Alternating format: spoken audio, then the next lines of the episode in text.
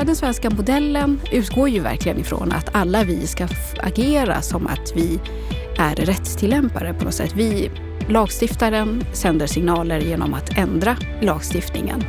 Sen kan man ju självklart ha åsikter om huruvida det var bra eller inte. Men om lagstiftaren har gett parterna, marknadsaktörerna, normer att förhålla sig till så utgår man ju självklart ifrån att alla också följer de normer som lagstiftaren har valt. Och sen så inser man att på golvet, då gör man lite som man vill. Sedan hon har börjat jobba i fastighetsbranschen så har hon blivit förvånad och paff många gånger med hur det egentligen fungerar i verkligheten. Att på golvet, då gör man som man vill. Heimanot Wachtmeister, som tidigare forskade på det svenska hyressättningssystemet, arbetar nu på ett fastighetsbolag på Heba och hon har dragit många slutsatser utifrån de erfarenheterna. Vilka? Ja, det ska du få höra i dagens samtal. Varmt välkommen till Bopolpodden där vi varje vecka intervjuar en intressant person om ett aktuellt ämne och där vi på fredagarna kör veckans Aktuellt med det senaste som har hänt under veckan. Och den här veckan så får du alltså träffa Heimanot Wachtmeister, ett samtal som kommenteras av Kent Persson. Och Heimanot kan du förutom här i podden också träffa på Bopol Live, den konferens som vi kör sista maj med en hel dag om hyresrätten. Varmt välkommen att läsa mer om den dagen på bostadspolitik.se. Nu kör vi igång samtalet med Heimanot. Jag heter Anna Bellman.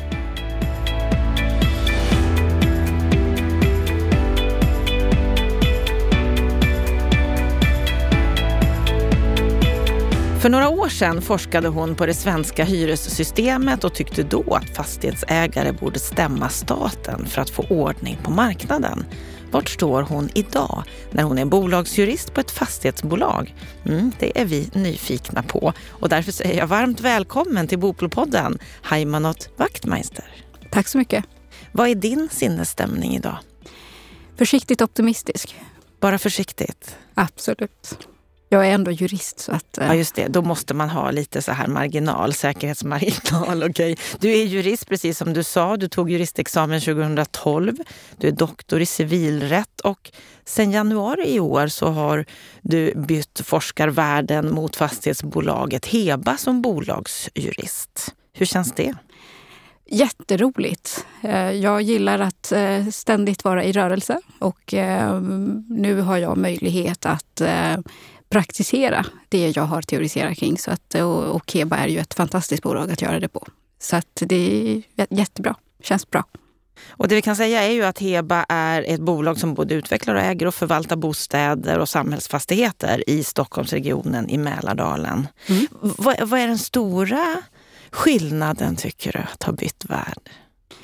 Ja, juridik är ju eh, ett praktiskt yrke och när man forskar i juridik så forskar man väldigt mycket kring det praktiska. Hur hanterar man vissa rättsfrågor?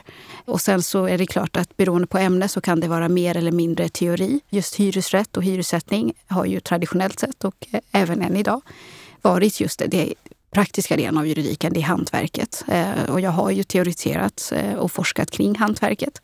Och nu får jag vara med och göra det. Så att eh, skillnaden är väldigt stor. Teorin eh, och verkligheten har väldigt lite med varandra att göra. Det märkte man ju jag har ju inte bara forskat utan jag har ju även jobbat som lagstiftare när jag var utredningssekreterare. Så att både akademin och eh, utredningsväsendet är ju beroende av teorin och den teoretiska kunskapen och det man kan eh, utläsa från rättskällor som bland annat eh, domar. Och eh, om man då utgår ifrån de domar man har att tillgå när man läser domar från ja, överinstansen eller eh, prejudicerande domstolsinstanser och teorin som finns, även med min forskning, så kommer man inse att väldigt mycket av hyressättningen, den faktiska hyressättningen, går inte att förstå om man inte är på golvet och jobbar. Är, finns det någonting som har överraskat dig? Mycket. Ja, berätta. ja, det, det, det, första är ju inställningen till eh, bruksvärdessystemets normer. parterna är ju väldigt noga med att det är avtalsfrihet. Eh, det är ju väldigt viktigt. Så att ehm, i början då när jag bara var med och alltså, satt och lyssnade med på förhandlingarna så, så tänkte jag att ja, men det här är ju rätt intressanta resonemang och argument. Eh, och sen så kunde det komma argument som var direkt strid mot lagstiftningen. Och så sa jag, nej men vänta, stopp och belägg. nu har vi ju haft eh, till, till exempel eh, att man inleder en förhandling där Hyresgästföreningen då klart och tydligt säger att nu har vi ett märke för den här kommunen och det blev X, så att ni får X. Och då blev jag ju såklart väldigt nyfiken och tänkte, jaha, var kommer märket ifrån? Där kom ju teoretikern i mig fram. Vi har 2011 års eh, hyreslagstiftning som innebär att allmännyttan inte längre ska vara normerande. Så att det finns ju egentligen inget märke så som bruksvärdessystemet är utformat idag.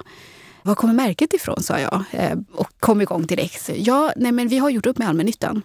Ja, så ja, men så kan man ju inte göra. Vi har ju ändå lagstiftning att förhålla oss till. Eh, ja, lag är lag, det här är förhandling. Och nu gör vi så här. Så här får, det här är det bud alla har fått i den här kommunen. Och då sa jag... Mm. Som att de står vid sidan om lagen? Nej, snarare mm, som att avtalsfriheten ska utövas på det ah. sätt så att vi bestämmer vad som ska vara normerande. Mm. Och nu sa man att vi har alltid använt oss av märket mm. Eh, och det kommer vi fortsätta göra.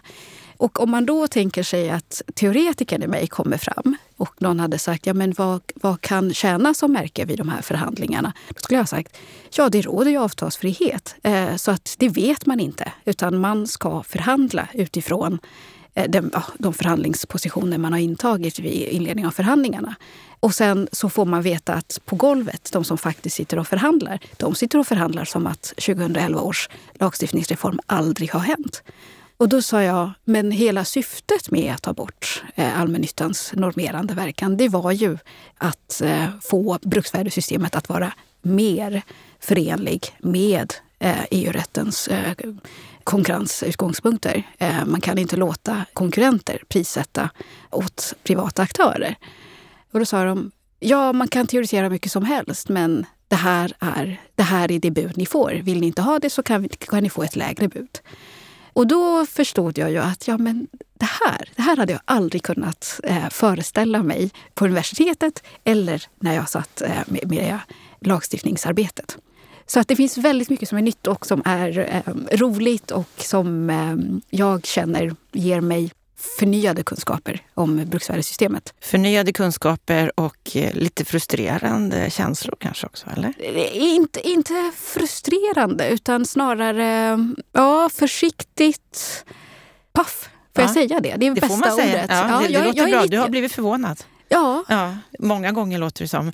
Ja, för mm. att vi är ju... Alltså, hela den svenska modellen utgår ju verkligen ifrån att alla vi ska agera som att vi är rättstillämpare på något sätt. Vi, lagstiftaren sänder signaler genom att ändra lagstiftningen.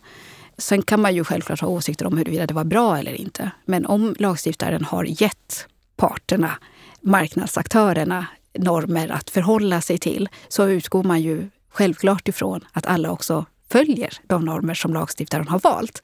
Och sen så inser man att på golvet, då gör man lite som man vill. Jag tänker på ett, på ett citat jag läste om dig här nu nyligen i, i Fastighetstidningen. Då säger du så här att som akademiker trodde jag att genuin kunskap skulle respekteras. Men det är inte så det fungerar i politiken. Där är alla medel tillåtna så länge man vinner. Jag blev lite less helt enkelt. Mm. Ja, jag står fast vid det. jag står fast vid det jag sa. Ja, eh, det har väl mer att göra med min syn på akademin och forskning. Det finns ju ändå en anledning till att jag redan som liten sa att jag ska forska, jag ska bli, jag ska bli doktor. Eh, och det är ju för att jag anser att vi behöver ha viss tid i livet där vi kan grotta ner och lära oss om saker, om, om ämnen. Eh, och jag uppfattade ju inte min doktorsavhandling som kontroversiell just för att jag ställer väldigt grundläggande frågor. Jag vill ju veta hur saker och ting förhöll sig. Vad är en skälig hyra? Sen när den väl blev klar så visade det sig att det var ju ingen som hade efterfrågat min kunskap. Det var ingen som ville veta. Och det var alla väldigt noga med att berätta för mig att med din forskning behövs inte. Det vill säga alla som var politiker. Vi, vi tycker om bruksvärdessystemet, det är bra som det är. Vi vill inte ha någon förändring. Vi vill inte ha någon förändring. Det är bra som det är. Och sen kom jag naiv såklart och sa att men det är ju inte det jag har forskat på. Jag har ju forskat på en fråga. Jag är klar med forskningen. Och då blev det väldigt personliga påhopp. Och jag ansåg att man inte respekterade forskningsfriheten. För vi måste ändå ha ett samhälle eh, där akademin får forska i fred. Eh, där politiker får ha sin egen retorik på det sätt de vill ha det. Och eh, de hade också svårt att skilja på rollerna. För jag var ju knappast den första utredningssekreteraren som gick direkt från akademin. När jag blev tillfrågad så hade ju tre, fyra andra akademiker på Stockholms universitet redan gjort samma resa. Och de var ju professorer idag. Så att det var ju en validering av min kunskap när jag fick jobbet. Medan politikerna såg det som att jag var någon mastermind för att de fungerar på det sättet. Och då gör det ju eh, att om man som jag är en person som reflekterar mycket kring samhället eh, och den samhällsmodell vi ändå alla har underkastat oss och tycker att det här är i grunden en den bästa formen av samhällsmodell så blir man ju lite bekymrad inför framtiden om det är så att eh, politiker som kräver renläringar, nästan lärjungar, i det egna ledet också kräver att eh, deras lärjungar ska vara verksamma även inom akademin men även inom lagstiftningsväsendet. Eh, för då får vi ju ett eko i demokratin eh, och då fungerar inte maktdelningsläran. Är det där vi är idag? Det vill jag ju inte säga, men det finns en risk för det. Och eh, jag fick ju anledning att reflektera väldigt mycket kring samhället och fundera över om jag ville fortsätta engagera mig i den här frågan. Jag behövde ta en paus från det för, för att Dels för att jag tycker att eh, man ska inte vara beroende av att kunna en enda fråga för, eh, för den egna försörjningen. För då riskerar man att inte kunna vara ärlig och eh, stå för det man säger. Men sen också för att jag är en person som lätt kan bli uttråkad. Jag gillar att se utveckling, jag gillar att bygga saker. Eh, så jag vill göra annat eh, också. Och det är det som är så coolt när man, när man läser på om dig. Du har ju verkligen gjort andra saker också. För du var ju med och grundade ett startupbolag, Songsay Media Group. Du var bland annat med i Draknästet. Ja, det var kul. och, och hur var det? Ja, men det var jätteroligt. Det, var, det är ju en hobby som jag alltid har haft. Jag eh, älskar människor som eh, brinner för en idé eh, och utvecklar det. Och, så att jag har alltid rört mig bland människor som är entreprenörer och som utvecklar idéer och testar och sätter hela sin försörjning på spel egentligen. Och det här är eh. något som är helt annorlunda än, alltså långt ifrån bruksvärdessystem och fastigheter. Det är alltså en musikstartup är det. En musikstartup, musikvideoklipp som man kan sprida på olika sociala plattformar. Ja, ja men precis. Eh, så att det här var ju en hobby. Eh, jag, jag älskar all, allting som har med tech att göra. Jag följer i princip alla tech-nyheter som kommer. Jag gillar att testa ny teknik. Jag älskar musik. Det är en stor, stor hobby. Jag har ju också musiker i, i släkten. Så att för mig blev det ju ett sätt att kombinera de här två världarna. Och då ser jag, nej men vad kul, vi ska bygga ett bolag. Det är klart vi ska göra det. Och sen så fick vi möjlighet att vara med i Draknästet och pitcha. Och då kände jag att det här är ju mitt favoritprogram, klart jag ska vara med där. Och, det är klart att det är lite ovanligt att göra det som, som eh, om man har en doktorstitel. Men jag tycker att man måste få ha roligt i livet också. Och det var väldigt roligt. Men sen började du sakna? Jag gjorde ju det. Lite hyresrättsliga frågor. Ja, och, och det får man väl skylla eh, på omvärlden. Eh, jag har ju fortsatt eh, mycket kontakter utomlands. Eh, så att många har ju frågat mig om, hur, om bruksvärdessystemet och hur det fungerar.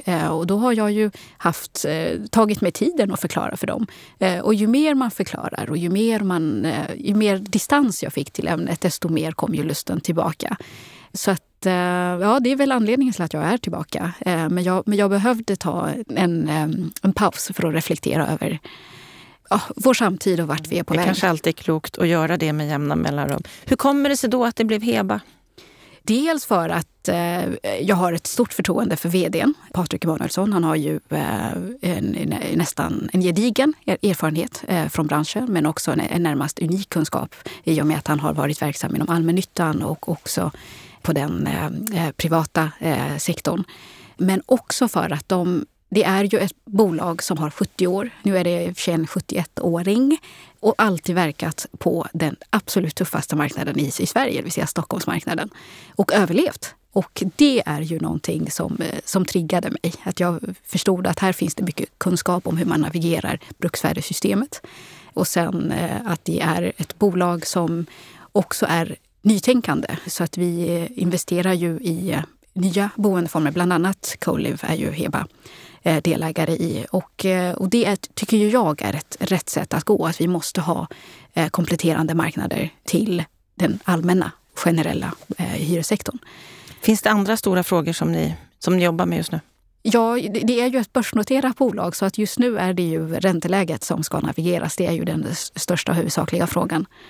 Stor huvudvärk? Är det svårt? Det är inte min fråga som tur är. Men det är väldigt roligt att vara på ett börsbolag som har gjort den här eh, resan med att förnya sitt bostadsbestånd och eh, också samtidigt som man har väldigt nöjda hyresgäster för att eh, NKI är ju oerhört hög. Eh, det är bland de högsta i Stockholm. Så att jag känner att eh, jag Även om jag nu har tagit kliven ut till att jobba på hyresvärdssidan så kan jag göra det på ett bolag som agerar långsiktigt och som bygger eh, mycket av sin strategi på hyresgästrelationer. Eh, att man vill behålla de hyresgäster man har. För det är ju någonting som jag också har skrivit om i avhandlingen. Att eh, alltså, den billigaste formen av förvaltning är ju den som kan vara långsiktig och bygga på eh, hyresgästrelationerna. Eh, och det märker jag ju att de redan hade förstått såklart.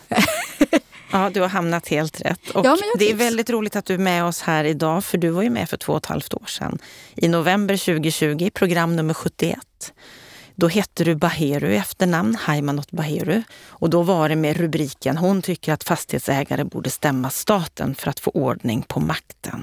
Och sen dess har du gift dig ja. vaktmästare. Så det, det, har hänt saker även på den privata sidan. Men det här med att du då för två och ett halvt år sedan var så väldigt tydlig med att du tycker att fastighetsägare borde stämma staten för att få ordning på marknaden. Håller du med om det fortfarande idag? Ja, det på gör sätt? jag. Berätta. Jag, jag, säger ju inte att Heba ska göra det, för jag att det, är, det är som sagt ett börsnoterat bolag och det är den typen av beslut som ska fattas av styrelsen. Men för att skyddet för äganderätten har kommit att urholkas alldeles för mycket genom lagstiftningsåtgärder de senaste, egentligen en väldigt lång tid. Och när jag jobbade då som utredningssekreterare så noterade jag att just idén om att vi ska diskutera hur lagförslag faktiskt påverkar äganderätten, det var ju inte ens någonting som fick utrymme. Och då förstår man ju att eh, de svenska politikerna kommer vilja fortsätta blunda för den här frågan. Och då vill jag också säga att hyresrätten som ett juridiskt, som ett rättsområde är en av de få rättsområdena som fortfarande inte har påverkats av, eh, av EU-rätten. Så att om man tittar på fastighetsrätten generellt sett, alltså eh, fastighetsbildningsjuridiken, rättspraxisen där, så har ju EU-rätten faktiskt och skyddet för äganderätten fått genomslag.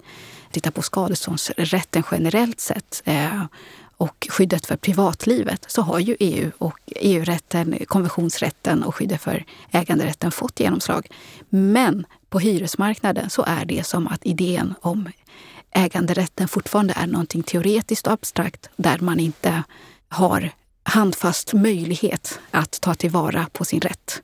Och i och med att bruksvärdessystemet är ett eh, regleringssystem som gynnar stora kapitalstarka hyresvärdar och eh, som i förlängningen eh, missgynnar små, kanske familjeägda företag. Nu var ju Aina Mattsson här, så det är inte dem jag syftar på. Men jag tänker en person eller en familj som bara har ett hyreshus så har de ju väldigt svårt att ta tillvara på sina rättigheter i bruksvärdessystemet. Så tror jag ju att de aktörerna absolut bör fundera på om det inte är dags att eh, ta tillvara på rättigheter som de redan har så det är ingenting nytt. Vi ska inte uppfinna någonting nytt utan vi ska bara se hur man hanterar skyddet för äganderätten. Då, för två och ett halvt år sedan, då mm. uttryckte du förvåning över att privata fastighetsägare som omfattas av bruksvärdessystemet ännu inte hade dragit staten inför Europadomstolen. Ja, det, det, gjorde jag eh, för att eh, rättspraxis är väldigt tydligt. Och eh, när man ser hur länge vi har, vi har haft det här systemet och hyresregleringen är ju över 80 år idag eh, så blev jag ju väldigt förvånad. Men idag så förstår jag ju det lite, lite mer.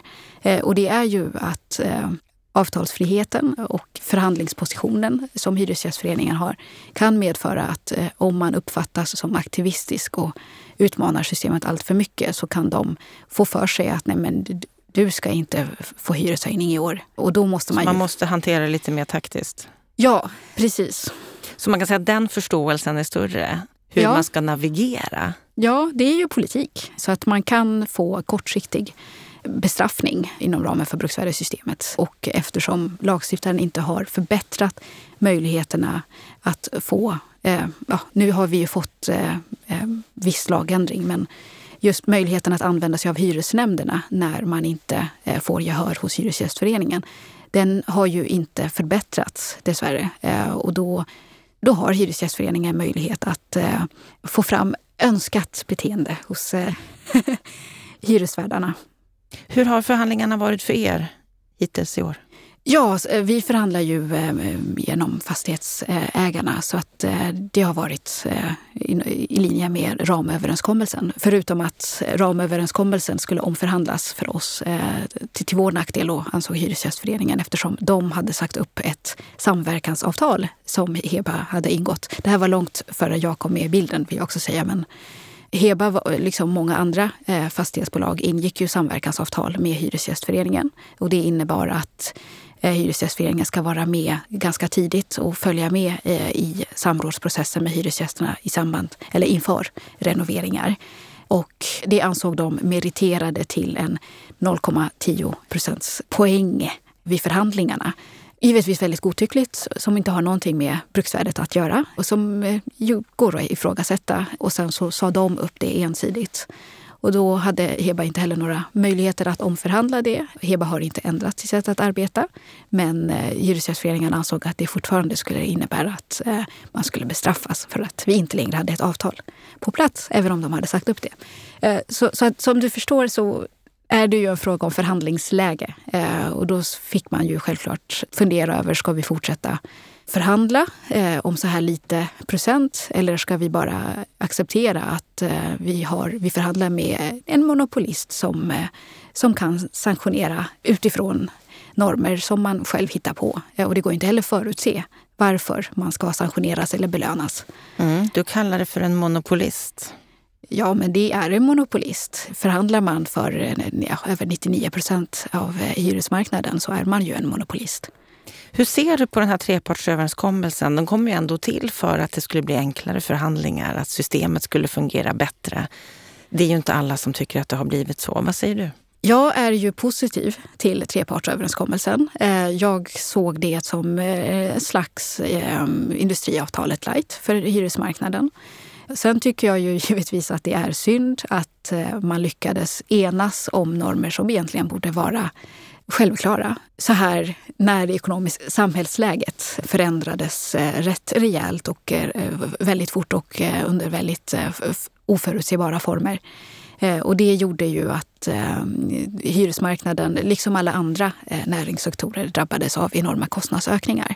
Och då kan jag ju förstå att Hyresgästföreningen inte ville ta in kostnadsaspekter och ekonomiska aspekter i, i, i i beaktande när man skulle förhandla hyrorna.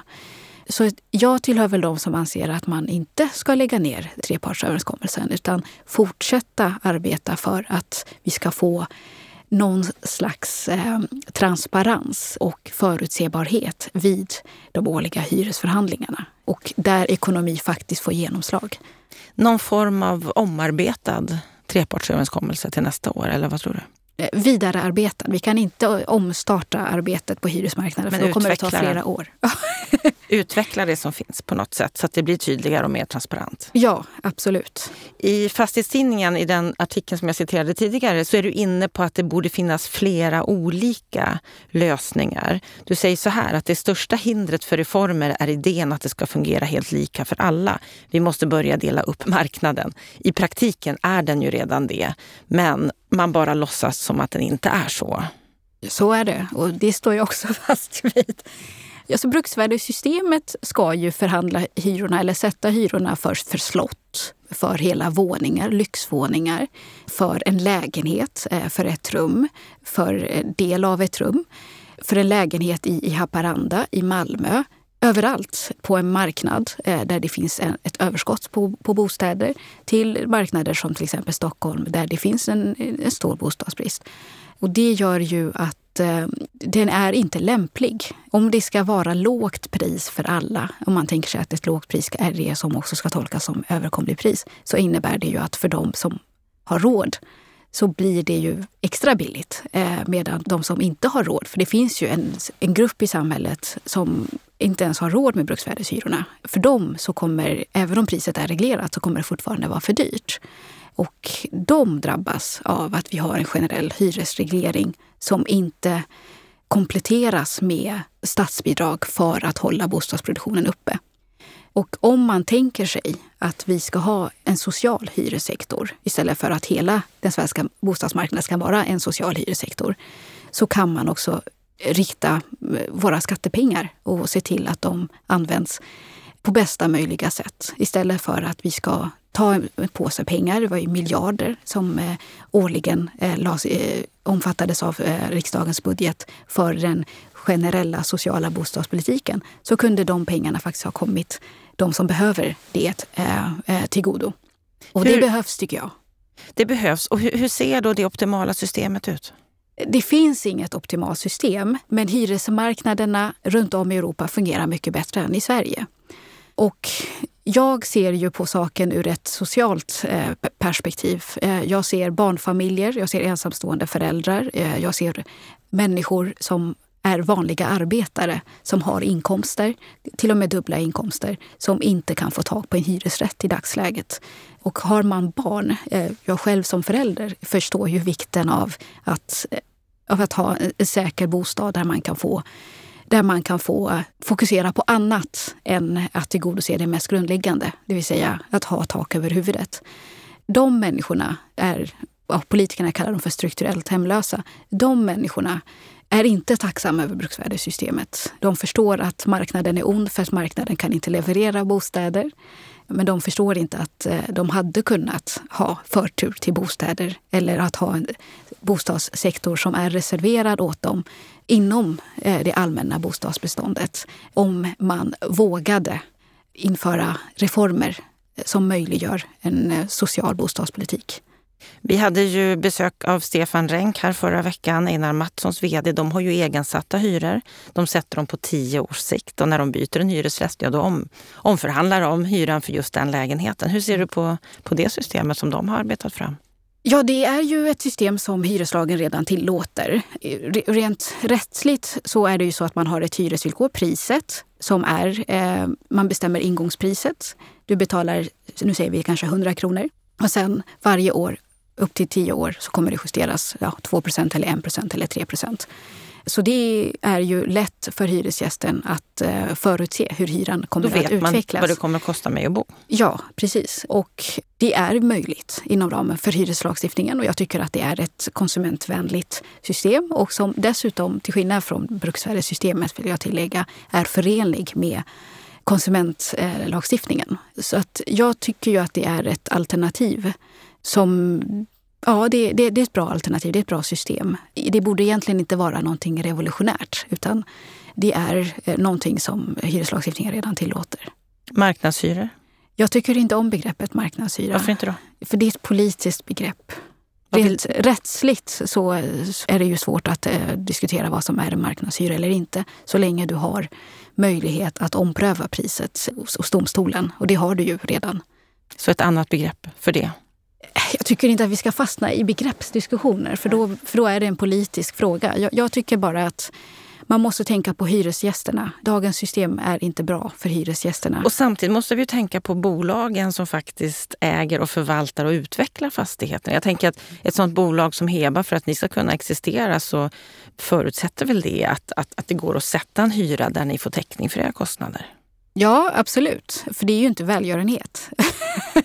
Eh, och inte ens allmännyttan ägnar ju sig åt välgörenhet utan det måste gå att räkna hem. Och eh, det som var intressant när vi höll på med, med utredningen om eh, hyrorna vid nyproduktion så var det att alla sa, men titta det byggs ju. Ja, det byggs och det berodde ju eh, huvudsakligen på den låga räntan. Det var gratis att låna. Så att eh, de som eh, hade hög riskvilja eh, hade ju möjlighet att bygga, producera och fortfarande göra vinst. Eh, medan de som var försiktiga givetvis hamnade efter. Men nu när pengar inte längre är gratis så inser man att ja, det spelar ingen roll hur man räknar på det. Det är svårt att få kalkylerna att gå runt. Och redan från början så rör det sig om väldigt små marginaler. Som bäst ja, 3,5 till 4 vid nyproduktion. Och sen i det äldre beståndet så är det ju under 2. Så att man har ju inte väldigt eh, stora marginaler att eh, skriva av förlusterna på från början. Så, så, att ja, vi kan inte bortse från ekonomin. Nej, det är ett exceptionellt läge just nu. Mm. Många, många har det tufft och har som du säger svårt att få kalkylerna att gå ihop. Ibland så tittar vi ju på andra länder för att se, har de något system som funkar bättre? Har du något exempel på något annat system som, som, som du gillar? Jag tycker att det fungerar bättre överallt annanstans. Ehm, och det beror på att eh, hyresregleringslagstiftningen då faktiskt utgår ifrån eh, olika marknader. Och där så har man, använder man ju sig också av eh, olika normer för den sociala bostadssektorn där kostnadstäckning givetvis är viktig men kanske inte varje år. Man behöver kanske inte gå med vinst varje år och eh, den privata sektorn. Och i länder där det, finns, där det råder bostadsbrist så har man ju inte heller valt att reglera eh, nyproduktionen. Så att eh, om det är en verklighet eh, för alla andra länder i Europa så kan man ju ställa sig frågan varför Sverige befinner sig ett, eh, i en annan verklighet. Eller att man kanske inte vill se den ekonomiska verkligheten ur politiskt perspektiv såklart. Men går det, tror du, att få fart på byggandet och få ihop kalkylerna genom att ändra i hyressättningssystemet? Nej, ja, i dagsläget så tror jag ju faktiskt inte att det har väldigt mycket med hyressättningssystemet att göra. Utan det, det handlar om att det, allt är byggt. Alltså allt är dyrt. Eh, det är dyrt att låna, det är dyrt att förvärva mark, det är dyrt med material. Så att det gör ju att man måste ha man måste vara väldigt långsiktig eh, och sen så måste man ha eh, stor eh, plånbok eller kapitalstarka ägare bakom sig för att, för att ta marknadsandelar. Mm, det som Stefan Reng pratade om förra gången, att det är viktigt med en buffert. Och det blir ja. ännu tydligare i ett sånt här läge. Du, avslutningsvis nu, vad tycker du att politikerna borde göra just nu? Kanske backa, men det kan man ju inte förvänta sig att de ska göra. Bruksvärdessystemet ger ju politikerna oerhört mycket makt och det gör ju att incitamenten för dem att eh, göra ändringar är mycket begränsade. Allmännyttan eh, är en stor eh, maktfaktor och allmännyttans styrelse består ju av politiker. Så att, och bostadsmarknadens organisationer är ju också politiska organ även om de då agerar inom ramen för civilsamhället. Så att det politikerna borde göra egentligen är ju fråga sig själva om hur mycket makt de egentligen borde ha och eh, om det är bra för, för Sverige eh, idag och i framtiden. Det är intressanta tankar och eh, om några dagar, den 31 maj, då kommer du att vara med på Bopo Live Hyresrätt och diskutera frågan hyresförhandlingarna. Vad händer framöver? Kommer vi komma till några svar tror du? Jag hoppas det. Mm, det är absolut. ganska många som är med där i, i den här panelen, bland annat Hyresgästföreningen. Så vi får se mm. ja. vad, du, vad du säger till dem där och då. Det är alltid roligt att diskutera med Hyresgästföreningen och jag personligen när jag förhandlar med dem och, eller diskuterar med dem vet ju att de har en roll att fylla. Eh, så att eh, jag hoppas att eh, de kan inta samma rationella utgångspunkt. Mm. Och vi kan ju berätta att Fastighetsägarna är med i samma samtal och Stångåstadens VD, som vi också hört här i podden, och vår expertkommentator Kent Persson som är samhällspolitisk chef på Heimstaden också. Mm. Så det blir en intressant punkt och det blir en intressant dag. Så vi kan ju uppmana alla som lyssnar, kom dit. Ja, absolut. Bopol live hyresrätt sista maj. Stort tack Heimanot för att du var med här i ja. Bopolpodden igen. Tack för att jag fick komma.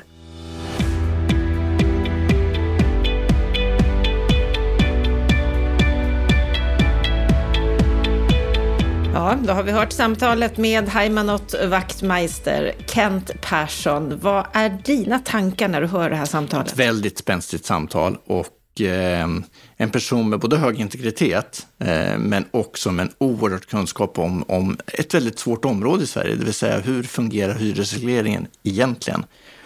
Vi vet ju att hon har gjort eh, mycket teoretiskt och forskat kring detta eh, och eh, på den vägen skaffat sig en kunskap. Och nu jobbar hon också liksom konkret med frågorna på Heba, vilket gör att hon också får en inblick i hur fungerar det på riktigt. Och därför är det rätt intressant att höra hennes samtal i när hon navigerar i båda de här, båda de här sidorna. Det är få som kan frågan så djupt som hon, men också ännu färre som faktiskt också har den praktiska erfarenheten av hur fungerar hyresregleringen och hyresförhandlingarna. Så det var ett spänstigt samtal att få ta del av. Ja, hon är ju tydlig med att hon håller fast vid vad hon tyckte förut, när hon då bara var teoretiker. Hon tycker att fastighetsbolag ska stämma staten. Har hon en större trovärdighet nu, skulle du säga, när hon inte bara är teoretiker, utan också jobbar inifrån ett fastighetsbolag? Ja, det tycker jag. Eh, för att hon kan också hänga upp den teoretiska kunskapen på praktiska exempel. Eh, och det kommer nog vara värdefullt i arbetet framåt när det handlar om hur branschen faktiskt ska kunna påverka politiken i att förändra de här systemen. För hon har alldeles rätt i att det är flera grundläggande problem med det systemet vi har idag och det säger hon ju. Så att här skaffar hon sig en ännu högre trovärdighet. Jag uppfattar också att hon blir lite förvånad över hur det fungerar. Eh, och det är intressant att faktiskt få ta del av den förvåningen och eh, utan att lägga orden i hennes mun, för det gör hon så bra själv, men man kan ju tolka henne också på det sättet att oj, det var faktiskt till och med ännu lite värre när man får se hur det i praktiken fungerar än vad det gjorde i teorin. Mm. Hon är ju tydlig som sagt, som du säger, att hon har blivit paff när hon har kommit till verkligheten och att det finns ett sätt som vi ser på det här systemet lagmässigt, men på golvet gör man som man vill, säger hon ju. Ja, det gör man och det är ju då delvis eh, korrekt eh, utifrån, och, men jag menar med delvis korrekt är ju att eh, vilka gör som de vill. Ja, vi har ju haft ett eh, en förhandlingsposition mellan fastighetsägare och Hyresgästföreningen som är obalanserat vill jag hävda. Eh, där det är så att, att lagstiftningen står på Hyresgästföreningens sida, eller har gjort. Vilket gör att de här förhandlingarna blir, eh, blir liksom inte balanserade. Och till slut för många fastighetsägare så, så kommer man inte så långt som man borde i en förhandling. Och det är det hon menar med att värna äganderätten, det är ju att, så att säga, och fri förhandling. Att man faktiskt ska ha rätten till det och det har vi inte riktigt i dagens system. Och det är ett djupt problem för fastighetsägarsidan som då såklart inte kan föra en fri förhandling eh, och inte heller landa ner förhandlingarna på ett rimligt sätt. Ytterst skulle jag säga att i ett längre perspektiv så drabbar ju detta hyresgästerna. Det ska man liksom inte glömma bort. Men vi har en obalanserad situation. Lite bättre blir det med lagstiftningen som implementeras nu när det handlar om att vi också får en oberoende tvistlösning in. Sen ska ju den tillämpas så får vi se hur, hur det faller ut. Så att eh, jag är försiktigt positiv. Jag är positiv till lagstiftningen, att det kommer på plats. Det kommer att göra att eh, förhandlingsbalansen blir något bättre. Men vi måste ju också få se vad det faller ut eh, i när de förhandlingarna av en sån tvistelösning, vad det faller ut i, om det verkligen också kommer fungera i praktiken. Vi pratar ju lite om att jämföra det svenska systemet med andra länders och där är hon ju tydlig med att det svenska systemet fungerar sämst. vad, vad säger du om det? Ja, det är intressant och också intressant att hon är så otroligt tydlig. Eh, när många andra duckar i, när, man vill, när man jämför Sverige med andra europeiska länder så tycker jag att det är mest mummel. Här är det väldigt tydligt och också en tydlig position i att nej, det svenska systemet har blivit omsprunget. Alltså bostadsmarknaden och de här systemen för hyresrättsförhandlingar och hyresrättens utveckling är bättre i övriga länder i Europa. Och eh, jag ska nog säga att jag, min bild är att hon har rätt. Det är en korrekt uppfattning. Vi finns ju som, som bolag, Heimstaden, i nio olika länder. Och det är klart att vår bild är att det fungerar faktiskt bättre i de andra länderna. Hon är ju också tydlig i att Hyresgästföreningen är monopolist. Ja, och det monopolsituationen har ju skapats eh, utav att vi nu också har en snedbalans. Eller det leder ju till den här snedbalansen i de här förhandlingarna som är ett problem. Och det är klart att vi behöver ha en stark eh, partssituation tycker jag. Alltså det är klart att fastighetsägarna ska kunna företräda sig själva eller via intresseorganisation. Och hyresgästerna ska också kunna organisera sig, absolut. Eh, men hyresgästerna borde också kunna få eh, enklare kunna organisera sig på andra sätt än bara genom Hyresgästföreningen. Så den monopolsituationen, den är inte bra. En sak som vi också pratade om, det var ju hur hon ser på politikerna och deras initiativförmåga när det gäller de här delarna. Och där var vi inne på den sociala biten, hur vi ska kunna hitta en politik som fungerar mot de som har det sämst. Vad säger du om det? Att där ligger Sverige väldigt långt efter övriga länder i Europa. Och i Sverige så brukar det då bli eh, medvetet eller omedvetet missuppfattas att när man pratar social housing så är det den eländigaste eländeslösning av alla lösningar. Och så är det ju inte. Det är en lösning där man faktiskt specifikt tittar på att hjälpa grupper. Jag upplever inte heller att det finns någon i Sverige som efterlyser en social housing som skulle göra att de utsatta grupperna blir än mer utsatta. Det många efterlyser i Sverige nu, det är likt det man gör i många andra länder, det är att man har en politik där man hjälper de här grupperna in i värdiga bostäder. Och det handlar både om eh, finansieringsstöd när man är inne i systemet och får hjälp att, att till exempel kunna betala sina hyror. Men det handlar också om att ha ett system som gör att vi plockar fram både nyproduktion och i befintligt bestånd och spritt i hela bestånden eh, boenden till de som inte klarar av att, att, fixa boenden själva. Och den gruppen tyvärr riskerar att bli större i Sverige och växa. Så att här går det inte längre med att politiken låter detta vara en blind fläck. Jag skulle säga det att de kommande tio åren så är kanske detta den största utmaningen vi har på den svenska bostadsmarknaden. Mm. Och en utmaning som vi också har, det är ju detta med hyresförhandlingarna och vad som egentligen kommer att hända framöver. Och där kommer ju du, Kent, tillsammans med Haimanot och några andra finnas med på Bopol Live nu sista maj. En heldagskonferens om hyresrätten. Varför ska man gå på den här dagen? Man ska gå för att man får ett väldigt bra tillfälle att fördjupa sin kunskap i hyresrätten, hur det funkar, hur regleringarna funkar, men också få en, en, en framåtsyftande blick. Så jag ser väldigt mycket fram emot den här heldagen där vi sätter hyresrätten i fokus med dess fördelar och med dess utmaningar. Så varmt välkomna dit. Jag kan lova er att det kommer bli en jättespännande dag. Mm. Det kommer bli en spännande dag. Du och jag är ju där, så vi kommer att se till att den blir det. Stort tack Kent för din kommentar. Stort tack till dig som lyssnar på Bopolpodden. Kom som sagt gärna till Bopol Live och lyssna gärna igen nu på fredag. Då är vi tillbaka igen med veckans Aktuellt, det senaste som har hänt under veckan som har gått. Med detta så önskar vi dig en trevlig vecka.